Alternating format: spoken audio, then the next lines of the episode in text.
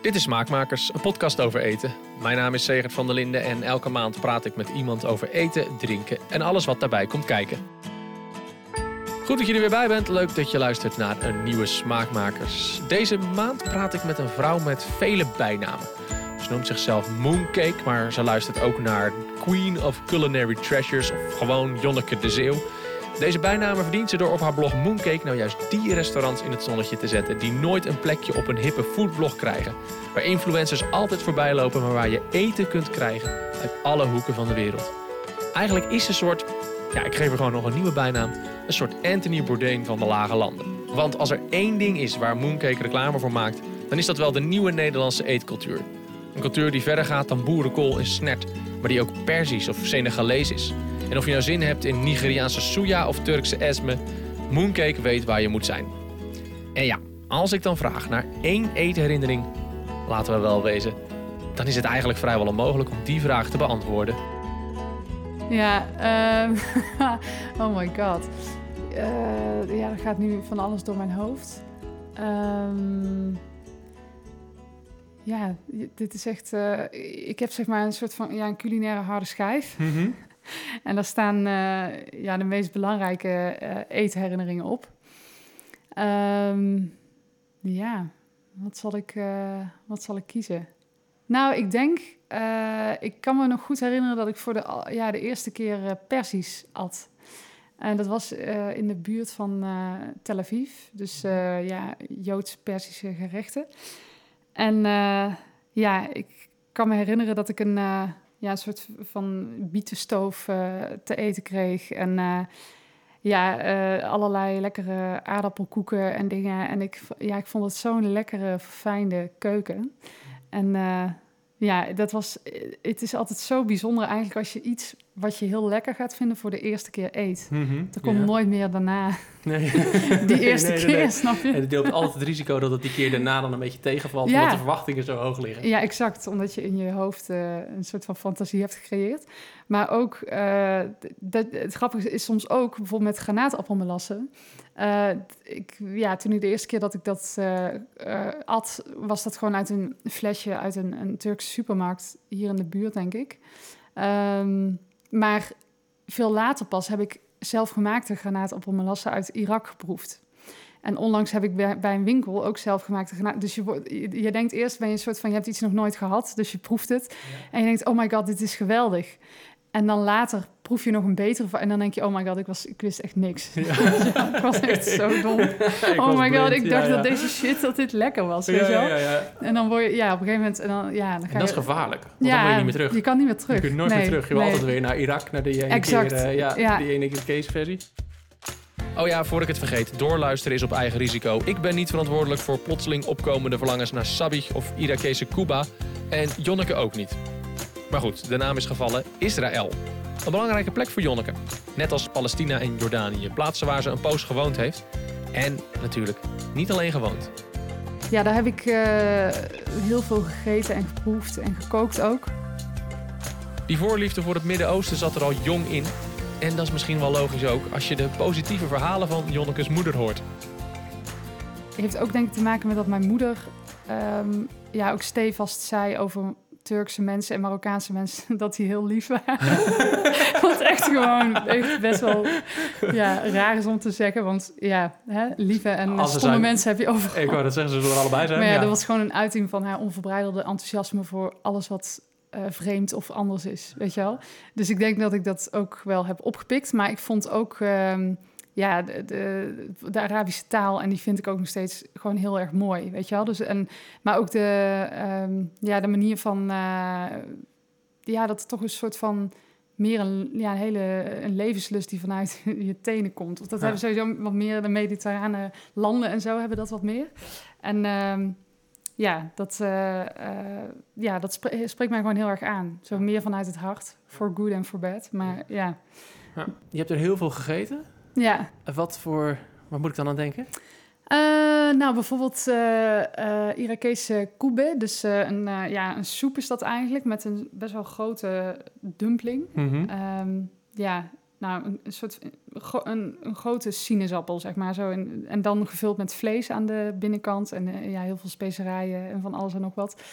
Ik at daar, als ik in een park ging picknicken, dan ja, nam ik niet zo'n plastic bakje fruit van de supermarkt mee met plastic metsens en zo. Maar gewoon, dan hadden we kebab.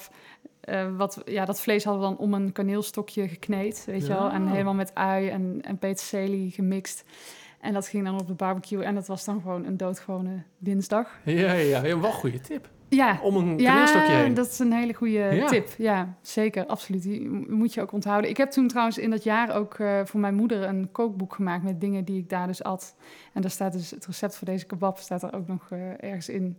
Dus die moet ik binnenkort een keer terughalen. Ja. Um, nou ja, dat is um, gevulde uh, uien met heel veel dille en rijst en vlees. Uh, zelfgemaakte hummus, nou ja, allerlei metsers natuurlijk. Ja, ja. Um, ja sabich, zo'n pita met gefrituurde aubergine. Ja, en ja, uh, nou ja, echt van alles en nog wat er doorheen. Zo, echt zo'n smaakexplosie. Uh, ja, ik kan door blijven ja, Hou me tegen, want ik... maar het heeft wel iets gedaan daar met je. Ja, ja, ja. Je ja, ja. niet geïnspireerd. Ja, absoluut. Ja, want ik kwam terug en ik kan me nog herinneren... mijn eerste weken weer in Nederland... dat ik echt eh, best wel heimwee ook. En ik merkte toen dus ook heel erg van... ja, dat eten mis ik heel erg, weet je wel? Dus ik had toen ergens een tijdelijke opdracht, deed ik... En dan stond tussen de middag ging iedereen naar beneden in de keuken en dan zo in de deur staan roken. En dan zo kwamen, kwamen er van die ja, boterhammen met zweterige kaas kwamen dan uit de tassen. Iets te lang ja, en die, Ja, die werden dan opgegeten. dacht ik, wat een uh, armoede eigenlijk, weet je wel? ja, als ik het vergeleek met hoe ik daar at. Dat is gewoon... Dat is ja, een beetje treurig eigenlijk. Ja, het is wel een schril contrast, uh, inderdaad. Ja, absoluut. Ja, ja, ja. Uh, en daar moest je iets mee. Ja, ja, ik ben. Uh, nou, ik kwam eerst in het centrum van Amsterdam terecht. Toen vond ik dus dit appartement in de Indische buurt in Amsterdam Oost. En um, ik merkte dat, ja, nou ja, dat hier in de buurt. Ik had hier al eerder gewoond, dus ik wist wel van hè, dat je je boodschappen technisch, hè, als je Midden-Oosters eten zoekt, dan kan je hier je, je hel wel halen. Ja. En um, ja, toen, ik viel, het viel mij ook op. Het, eigenlijk is mijn blog ook een beetje begonnen met een irritatie. Want uh, het viel me eigenlijk op dat de plekken waar ik heel graag kwam, dus waar ik lekkere Persische kebab at en Egyptische tuinbonen, falafel, dat er veel nieuwe bewoners hier in de buurt die plekken links lieten liggen. En dat ze allemaal naar dezelfde tenten gingen. Dus allemaal naar dezelfde hippe plekken waar je voor veel te veel geld een hele matige hamburger krijgt met zoete aardappelfriet en die zoete aardappelfrieten worden niet verkocht omdat ze zo goed weten hoe ze die moeten maken, maar omdat dat nou eenmaal de hype is. Ja, en dan staat op Instagram. ja. Exact.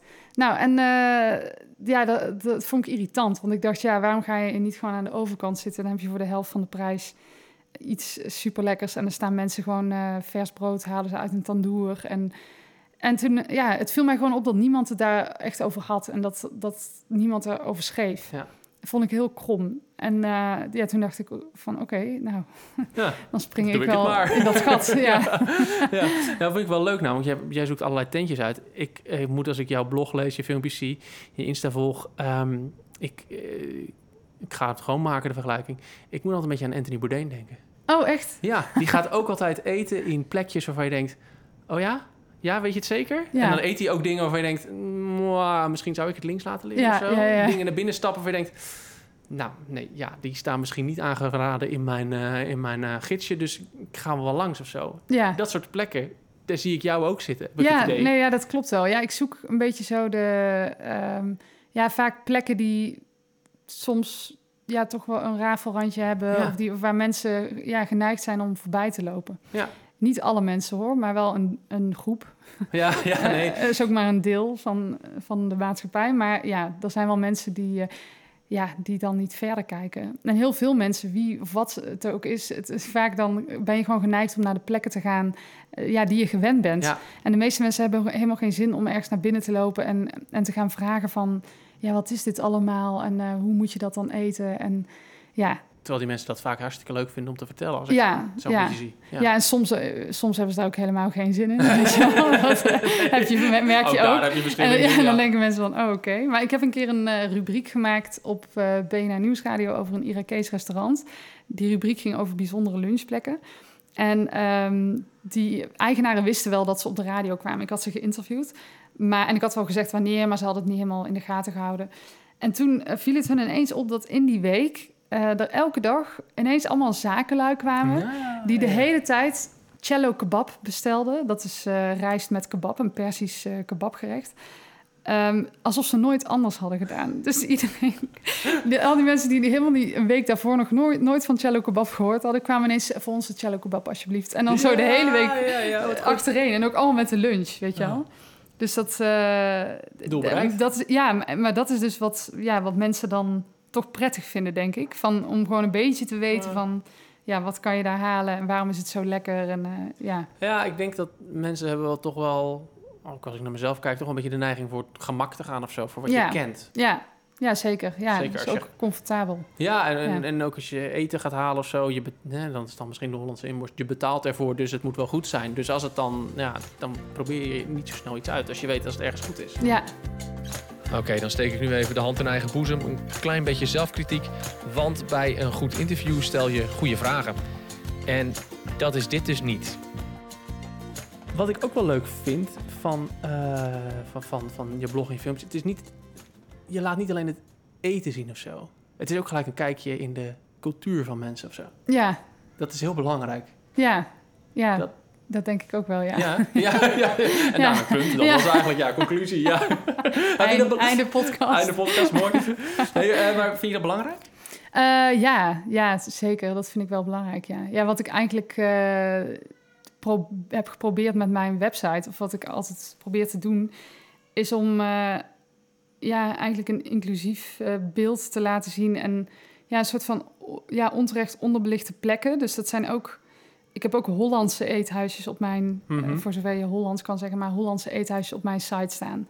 Dus dan het zijn plekken die niet hip zijn, niet chic, maar waar mensen gewoon met veel toewijding en liefde iets heel lekkers staan te maken. Ja. En uh, ja, als je dat niet zou weten, dan zou je er zo voorbij lopen. En dat is ja, een eeuwige zonde. Want ja. het is wel ook een beetje ons culinaire erfgoed. Ja. Weet ja. je wel? En, dat, ja, en, en ik, ja, ik zag dus gewoon iets heel kroms in de, de wat de traditionele media deden. En uh, ja, dat vond ik vervelend. Ik dacht van, hoe bestaat dat nou? Weet je wel, jullie laten gewoon een supergroot deel van ja. wat er ook allemaal gebeurt. Daar besteden jullie geen aandacht aan. Omdat jullie in een soort van bubbel, vanuit een bubbel werken. Weet je wel? En af en toe wel hier en daar iets. Nou ja, er is af en toe maar, wel een soort van keuken die dan even ja. het schil hebben. De afgelopen ja. jaren Tel Aviv, dat, dat, ja, dat, dat is ineens uh, hip geworden. Dat is dan ja. hip, dus dat uh, hebben we dan even op het schild en zo. Ja, klopt. Uh. Maar we laten nog heel veel liggen. Ja, ja en ook gewoon van, uh, ook zo dat, ja, van...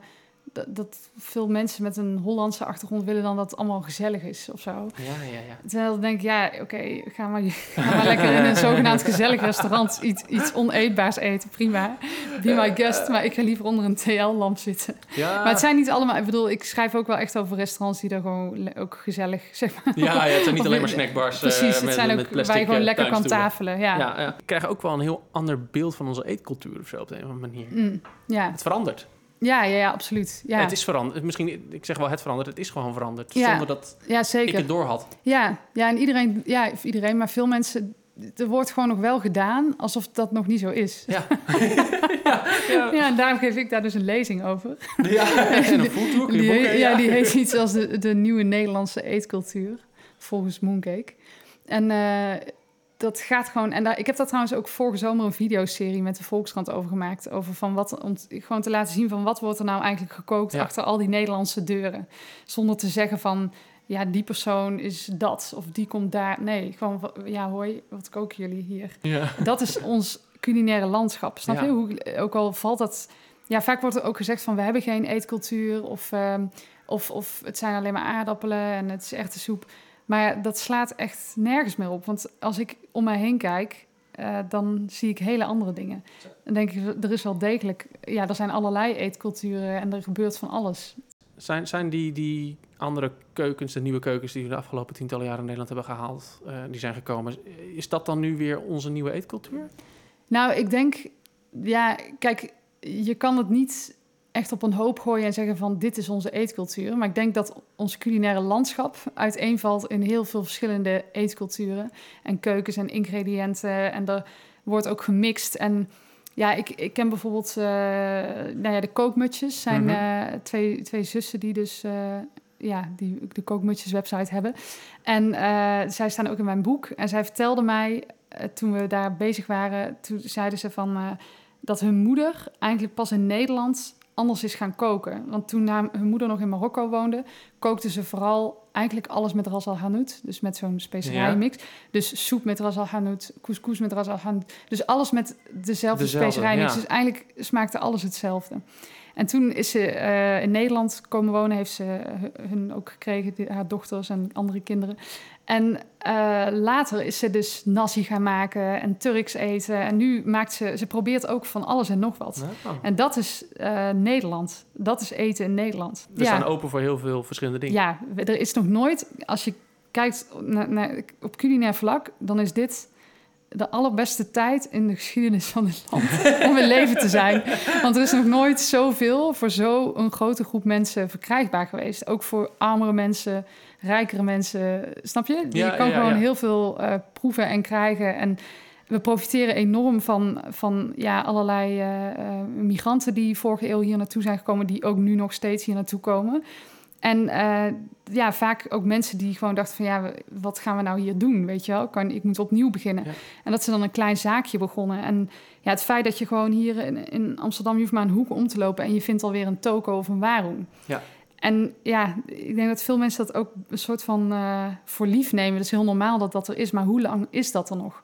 Want die generaties daarna, die gaan echt niet allemaal 80 uur per week in een waarom staan. Het is eigenlijk een godswonder dat je daar een bord eten kan krijgen, een, een longton ramen speciaal, voor 10 euro. Ja. Als je kijkt naar de arbeidsuren die erin zitten, dat is gewoon ongelooflijk, weet je wel. En dat, ja, en zo, er is, bedoel, onlangs zijn natuurlijk allemaal veel Syrische eethuisjes en restaurants ook door heel Nederland bijgekomen. Dus dat, uh, dat is Nederlands eten. Ja. Dan zeg je wel iets. Je zegt de nieuwe generatie die uh, gaat niet meer hè, 80 uur in de week in een winkel staan of in de keuken staan. Ben je bang dat dit gaat verdwijnen? Ja, ik denk wel dat er uh, over 30 jaar veel minder uh, uh, zijn en dat er wel wat zal verdwijnen. Als je kijkt naar hoeveel er nu is. Mm -hmm. En je hebt natuurlijk die Chinees-Indische specialiteitenrestaurants, ja, die zijn ook echt aan, die zijn al aan het verdwijnen. Ja, ik pleit wel voor een, een soort van culinaire ja, erfgoed, weet je wel. Gewoon mm -hmm. een, ja, eh, voor gastronomie, zeg maar. Dat, je, dat er gewoon wat, dat het beschermd wordt. Dat er een erflijst komt en dat daar ja, bepaalde tenten op komen te staan of zo. Of, ja, het wordt kleine uh, horeca-ondernemers vaak toch heel moeilijk gemaakt met heel veel vergunningen en gedoe en gezeik. Weet je wel, je kan er je nog niet omdraaien of je moet alweer een, een vergunning ja, aanvragen. Terrasvergunning of ja, weet ik het wat. En dan denk ik, ja, wat, ja, we, we moeten ook inzien van wat dat sommige zaken wel echt iets heel bijzonders doen en echt iets bijdragen aan ja, aan, aan onze, ja, onze maatschappij, zeg maar, aan onze cultuur, weet je wel. Dus dat, uh, dat is wel een ding. Dat, ja. Uh, ja. ja. Vorige podcast had ik het uh, met Francesca over de, de Surinaamse eetcultuur. Die werd, dat wordt dan ook vaak een smeltkroes genoemd. Hè? Van alles, allerlei invloeden komen er bij elkaar. Um, nu zitten we dus in een punt in Nederland waar we ook heel veel van dit soort invloeden bij elkaar hebben. Denk mm je dat wij daar ook een soort van mix van uit zouden kunnen? Mm, of is het daarvoor misschien wel te veel en te gevarieerd? Ja, dat denk ik. Dat laatste denk ik eigenlijk. Maar ja, je weet nooit wat er, uh, wat er blijft hangen en wat er samen gaat komen. Ik bedoel, je ziet nu... Ja, ik was een tijd terug, ging ik ontbijten bij Marokkaanse croissanterie. En toen had ik briwat besteld, van die uh, filodeeg uh, hapjes met kip aan de binnenkant. En daar kreeg ik chilisaus bij. Maar als ik in Marokko een briwat eet, krijg ik er over het algemeen geen chilisaus bij. Nee, nee, nee, nee, nee. Dus ik vroeg ook aan haar van wat... Uh, maar hoe kom je eigenlijk nou bij die chilisaus? Zij zei, ja, ik ging gewoon vroeger met mijn moeder naar de markt... en dan at ik een Vietnamese lumpia. En dan kregen we dat chilisaus. Dacht oh, dat is lekker. Doen wij ook. Snap je? Dus dat zijn van die kleine dingen die je... Ja, je ziet gewoon ontzettend veel. Ook op internet gebeurt er zoveel... en er wordt zoveel van elkaar gepakt en gedaan. En dus er wordt wel heel veel gemixt. Ja. Maar of het... Kijk, als ik Surinaams uh, eet... dan kan ik een uh, soep bestellen. Daar eet ik een bara bij en uh. En ik vraag me gewoon helemaal niks af, snap je? Nee. Het is gewoon, het is gewoon goed. Dat is gewoon goed. Maar ik weet niet of... De, ja, of, dat, er is, is hier is zoveel het... in dit land, ja. uh, qua keukens... dat het gewoon misschien wel heel raar gaat worden... als je het... Uh, Een hele gekke combinaties gaat krijgen. ja. Hoewel, ik, als ik falafel maak thuis... dan heb ik er ook vaak chili saus overheen. Het is best wel lekker. Ja, nou, ja. Beetje, ja. beetje pit. Ja. Ik vind het trouwens wel te gek dat er dus plekken zijn nu waar je dit, dat, dat er online zoveel plekken zijn waar je dit dus gewoon kan vinden en zo. Ja, Ik denk, ik denk wel eens als dit 50 jaar geleden, ja, dit is natuurlijk 50 jaar geleden gekomen, maar toen was er niet zo'n mogelijkheid, omdat nee, dan had ik eh, als blanke man uit Zeist daar waarschijnlijk buiten de Chinese eh, Chinin spekrest was ik niet veel verder gekomen nee, waarschijnlijk. precies, Vind ik wel precies. gek. Ja, nee, dat is ook heel vet. Ja, dat, dat, ik vind het ook heel... Ik ben heel blij dat ik nu leef. ja, ook vanwege het eten. Maar ook eh, hè, vanwege de culinaire mogelijkheden in Ja. het land. Maar ook eh, zeker omdat we internet hebben. En je dus gewoon iets... En dat heb ik natuurlijk met mijn blog ook gedaan. Ik ben gewoon op een middag gaan zitten... en ik heb een artikeltje de wereld ingeschoten. En nu is dit mijn bedrijf geworden. Dat en dat is echt een bizar idee, weet je wel. Dat is echt... Ja, dat is, dat is heel vet. Ja, ja. ja. Waarom ik het dus internet ook vet vind, is eh, dat je dus allerlei stemmen hebt in de maatschappij die anders niet gehoord zouden worden, maar Ja. die nu gewoon hun platform maken en gewoon hun podium pakken. Mhm. En dat je Ja. dus niet meer hoeft te gaan wachten op wie dan ook, weet je wel, in Mensen de, bij de de mediabubbel of zo. Ja, ja, weet ik het wie. ja. Om, eh, totdat ze je een keer komen halen. Maar Ja. je kan gewoon zeggen van... oké, ik ga een blog beginnen. En eh, ik ga over ja, van allerlei gerechten... Nederlands, Marokkaans. En, zoals bijvoorbeeld de kookmutjes hebben gedaan... maar ook andere blogsters. Die hebben dat gewoon zelf gepakt, weet je wel. Dat, en dat vind ik echt heel vet, Ja. dat dat kan. Ik bedoel, die, die kookmutjes hebben met... tijdens Ramadan hebben ze anderhalf miljoen bezoekers.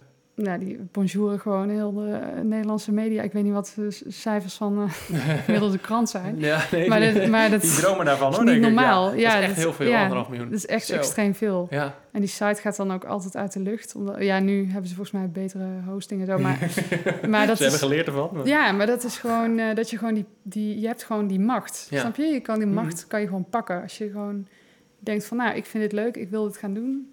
Dan kan je dat gewoon doen. Ik heb een verhaal, ik ga het vertellen. Ja, Klaar. exact. Ja, tegen. Ja, en dan, dat dan komen ze je wel, komen ze achter je aan op een gegeven moment. Hè? Ja, het duurt al- heel lang Als hoor. je anderhalf miljoen bezoekers hebt, dan, ja, maar dat, dan ben je gewoon al een paar jaar overheen. Maar Ja, maar ook die, ja, ik bedoel, die media wachten veel te lang ook. Met, als ik kijk naar veel mensen die ook in mijn boek staan. Mhm. Sommigen hebben dus ook een, een groot blog met mega veel toegewijde volgers. En het is nog maar heel recentelijk dat die benaderd werden of eh, dat, dat die in de pers verschenen. Ja. Hoe bestaat dat? Ja. Weet je wel, dat is gewoon al jaren eh, zijn die er. Die hebben al jaren een mega groot gevolg. Waar, zit, waar, zit, Waar zitten die mensen? Wie, Ja. ja, maar hoezo ziet niemand ze, snap je? Ja, ze, hebben, ze zijn nu inmiddels zo groot gegroeid, je kan niet meer om ze heen. Maar dat is, een, dat is het kromme, weet je wel? Dat kromme wat ik ook had toen ik deze site... Ja, dat is die, dat is die, die, die mediabubbel waarin de media vaak toch nog wel weer door, door Hollanders wordt eh, gemaakt. Ja. Bedoel, eh, hier zit er een.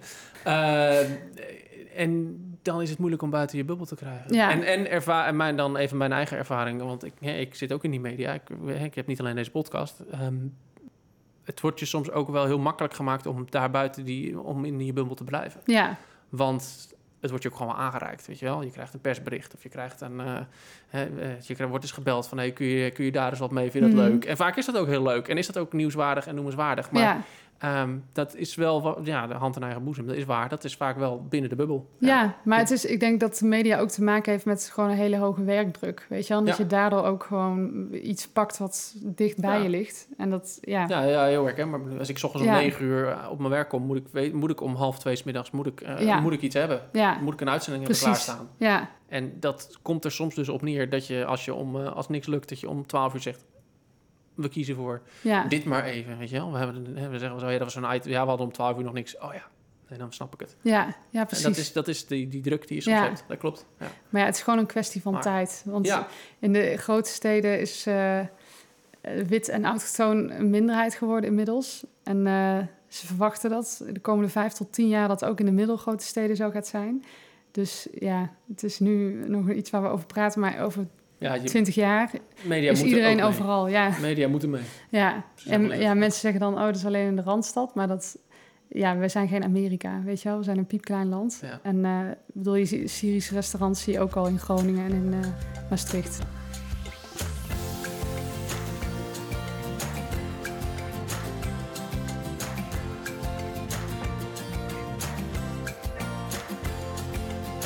Zitten alle restaurants te wachten op al die, die Ehm, nieuwe mensen voor hen? Nou, de meeste tenten hebben helemaal, helemaal geen idee ja, wat dat inhoudt of Ja, zo. Hè? ja. Sommige wel hoor, maar de meeste niet. En ehm, ja, dus dan, de- de- dan ga ik dat gewoon doen. En ze vinden het altijd echt een grote verrassing, maar wel altijd heel leuk. En Ja. heel veel mensen zijn mega dankbaar. En die, sommigen zeggen ook van, we hebben gewoon on- het feit dat wij nu nog bestaan, hebben aan jou te danken. Want als jij niet gekomen was, waren we ermee opgehouden, weet je wel. Ah, ja. En dat is wel, ja, dat vind ik ook super belangrijk. Ja, Het is ook gewoon vet om te zien dat het, dat is ook met die foodtours, maar ook met mijn video's en mijn artikelen, dat ehm, de eh, klantenkring van veel van die zaken wordt veel diverser, weet je wel. Dus bijvoorbeeld het Irakees restaurant had voorheen eigenlijk vooral Irakese klanten. ja.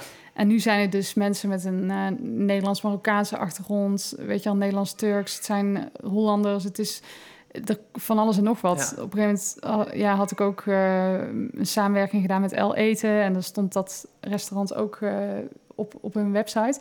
En toen, kwamen, toen vertelde die eigenaar dat er ineens allemaal uh, meisjes kwamen die allemaal uh, vegetarisch wilden. toen zei ik, ja, die komen dus, die wel, komen ja. denk ik van de El Eten. Ja, Oh, fantastisch. ja, Ja. ja. Oh, dat er, ja, Ja, dan kon je echt zo. Ja, dat is echt heel grappig. Wel voor L Eten ook weer een bevestiging dat ze de doelgroep bereiken die ze willen bereiken. Ja, ik denk Daarmee. het. Ja. Oh, wat Ja, heel grappig. Ja. Leuk. Ja, je, je ziet gewoon dat die, veel mensen steken er zoveel... Ja, gewoon al hun spaargeld en hun hele hebben en houden zit in zo'n zaak. En ze Ja. maken alles zelf. Maar eh, ja, als mensen het niet zien of mensen snappen het niet... weet je wel, van waarom het zo bijzonder is... Het is gewoon fijn als iemand het uitlegt van Ja, waarom het, ja. weet je wel? Een soort van alsof ik een marketing doe, weet je Ja, wel? Zo nou, bijvoorbeeld. Ja, maar ook als ik naar mezelf kijk. Ik vind het ook fijn als iemand mij dat uitlegt. ja precies. Dat jij ja, en ja. ik, ik ben van de andere kant zeg ja, maar. ja. Vind het ook fijn. Ja, en waarom, van waarom is deze zaak dan goed? Waarom Ja. is hun bestilla lekker? Waarom, Ja. weet je wel? En waarom, waarom bestel ik, wat moet ik er dan bestellen? Ja. Dat is voor mij ook nog wel eens dat ik denk, ja, Ja, maar dat, ja, en het is ook vaak, ik bedoel, ik kom ook bij zaken waar, eh, nou, sommige zijn echt van die topontdekkingen. Dan kan ik gewoon zelf elke keer dat ik kom weer de hele kaart bestellen. Mhm.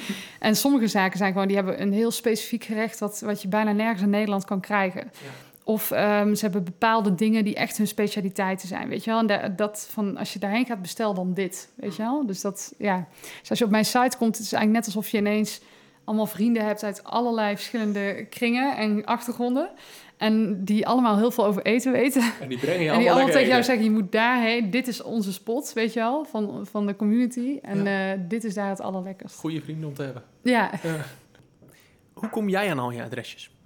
Ehm, ja, nou meestal eigenlijk door gewoon eh, mijn ogen en oren open te houden. En eh, soms ga ik gewoon ook een eh, dag en een nacht naar een, een stad in Nederland. En dan eh, ga ik daar op straat rondlopen en eh, dingen proeven. en eten. En gewoon, eh, of eh, ja, laatst was ik in Arnhem en toen stapte ik met een vriendin uit de auto. En toen was daar voor mijn neus een Persische kapsalon. Dus ik ging er gewoon naar binnen en, en zetten werden allemaal mannen, kregen van die hoekige baden aangemeten. En toen zei ik, ja, waar, waar, waar kan je lekker eten? Ja. En toen zei ze, ja, dan moet je naar Amsterdam. Toen zei ik, nee, daar Ja, kom ik net vandaan. Nee, ik zeg, Minder. "Wa- is hier iets in de... Weet je wel, dus zo ga ik ja, dan, eh, gewoon rondvragen, proeven. En vaak ook door gewoon ergens naar binnen te gaan en iets te bestellen. En hoe mensen zich ook opstellen en hoe goed verzorgd het eruit ziet. En daar, dat vertelt vaak ook al veel, Ja. weet je wel. Dus dat, ja. Met je liefde hebben voor de zaak, Ja. voor wat ze Ja. doen en wat ze maken. Ja, ja, want ik heb ook echt soms zaken dat ik dan... dat bijvoorbeeld wel een bepaalde bijzondere keuken is of zo... maar dat ik... Ja, nee, dat, dat iemand gewoon... Ja, dat het zo allemaal zo net niet is. En Ja, ja, ja. ja, Ja. ook ik bedoel ik heb ook plekken die gewoon heel goed eten hebben... en met veel liefde en zorg dat eten op tafel zetten... maar die ook heel veel dingen nog hebben waarvan je denkt... ja, kan beter, maar die, die geef ik wel een podium. Ja, Weet je wel? Ja. Dat, dat, ja. Het is ook niet de bedoeling dat het allemaal perfect is of zo. dat hoeft Maar- ook niet. Nee, Nee, dat is juist het leuke ervan, deze tentjes, heb ik het idee. ja, Dat ja het zeker. niet allemaal strak en netjes Ja. en keurig is. Ja. Welke keuken mis je nog? Ja, ehm, even denken. Volgens mij, ik was laatst in Lille en daar zag ik volgens mij een restaurant waar je eten uit Mauritius kon eh, eten. Dus de, de, als ik dat zie, denk oh my god, dat, weet je, dat, Ja? ja. ik weet niet of ik dat mis, want ik heb het nog niet geproefd. gegeten. Nee. Maar dat zijn wel, eh, ja, dat is gewoon vet. Kijk, heel, heel Europa heeft zijn eigen eh, ja, migranten, weet je wel. Of Ja. zijn eigen, elk land heeft weer hele andere invloeden en Ja. een andere geschiedenis. En dat uit zich in het eten. Ja, Mauritius. Ja, Nou, nooit bij stilgestaan dat dat natuurlijk Nee. ook eigenlijk ook heeft. ja, Het is ook een eiland natuurlijk. Dus ja, ja, klopt. Dat ja. kan ook wel ja, weer heel weet anders niet- zijn daardoor. Ja, maar ik wil dus terug. ja. Maar verder, ja, wat mis ik? Wat mis ik? Nou, we hebben echt heel veel. Ja, ik, we hebben echt, ja. Ik heb ook zoveel. Ik heb ook keukens op mijn site staan. Als ik denk van wauw, dat ik die gevonden heb. Zoals. Eh, Oeigoers bijvoorbeeld. ja. ja. Ja, Ja. dat we dat hebben. Ja, dat Ja. we dat hebben, ja. Oeigoers, Senegalees, Ghanese, Nigeriaans. Ik wist niet dat we... Ik, het duurde heel lang voordat ik Nigeriaans ook gevonden had. ja. Ik wist wel... Ja, in Den Haag zat wel iets ook, maar... eh, Hoe weet je dat dan? In Den Haag zit wel iets, zeg je dan? Dus nou, ergens heb ja, jij wel... dat kwam omdat ik... eh, nou, ik heb een best wel uitgebreid netwerk Ja, met mensen ik, die allerlei verschillende achtergronden hebben. Dus ook eh, mensen die eh, uit Nigeria komen en die eh, zitten dan weer in zo'n community en dan weet zo'n expat community, dus dan weten mensen wel van, oh ja, Den Haag zit wel wat, maar die is niet zo goed, weet je wel. En toen op een gegeven moment was een, een, ja, een, een kennis van mij die begreep wel... Ja, sommige mensen snappen niet zo goed wat ik probeer te doen... maar deze figuur begreep wel van... oh ja, ze probeert een beetje zo. En die eh, kwam vaak bij dat Nigeriaanse tentje. Dus die stuurde mij op een gegeven moment een foto... van zo'n vis en zo. Ik dacht, oh my god, ja, daar moet Dat, ik echt snel ja, heen. ja, ja. Dat was hem dan, mijn gesprek met Jonneke de Zeeuw van Mooncake. Hopelijk heb jij er net zo van genoten als wij. Wil je meer weten over haar? Mooncake.nl is haar blog. En natuurlijk kun je haar overal op alle social media volgen. Net als smaakmakers trouwens. Hè. Haar boek kun je ook bestellen natuurlijk op haar website. Leuk is een bakboek met, ja, is even wat anders dan gewoon cake en koekjes. Echt een aanrader. Luister jij smaakmakers nou via de podcast-app van, eh, van je iPhone? Wil je dan een keer een recensie of een review geven aan deze podcast? Het algoritme van Apple zorgt er dan weer voor dat andere mensen smaakmakers ook kunnen ontdekken. Alle andere linkjes die je nodig hebt, die vind je in de show notes, de teksten die bij deze aflevering staan. Over een paar weken ben ik er weer. Dan praat ik met Suzanne Arets van smulpaapje.nl. Ook over haar nieuwe borrelboek. Het gesprek is alleen wel om 10 uur 's ochtends, dus ik weet niet of we echt gaan borrelen, maar dat hoor je dan. Tot dan!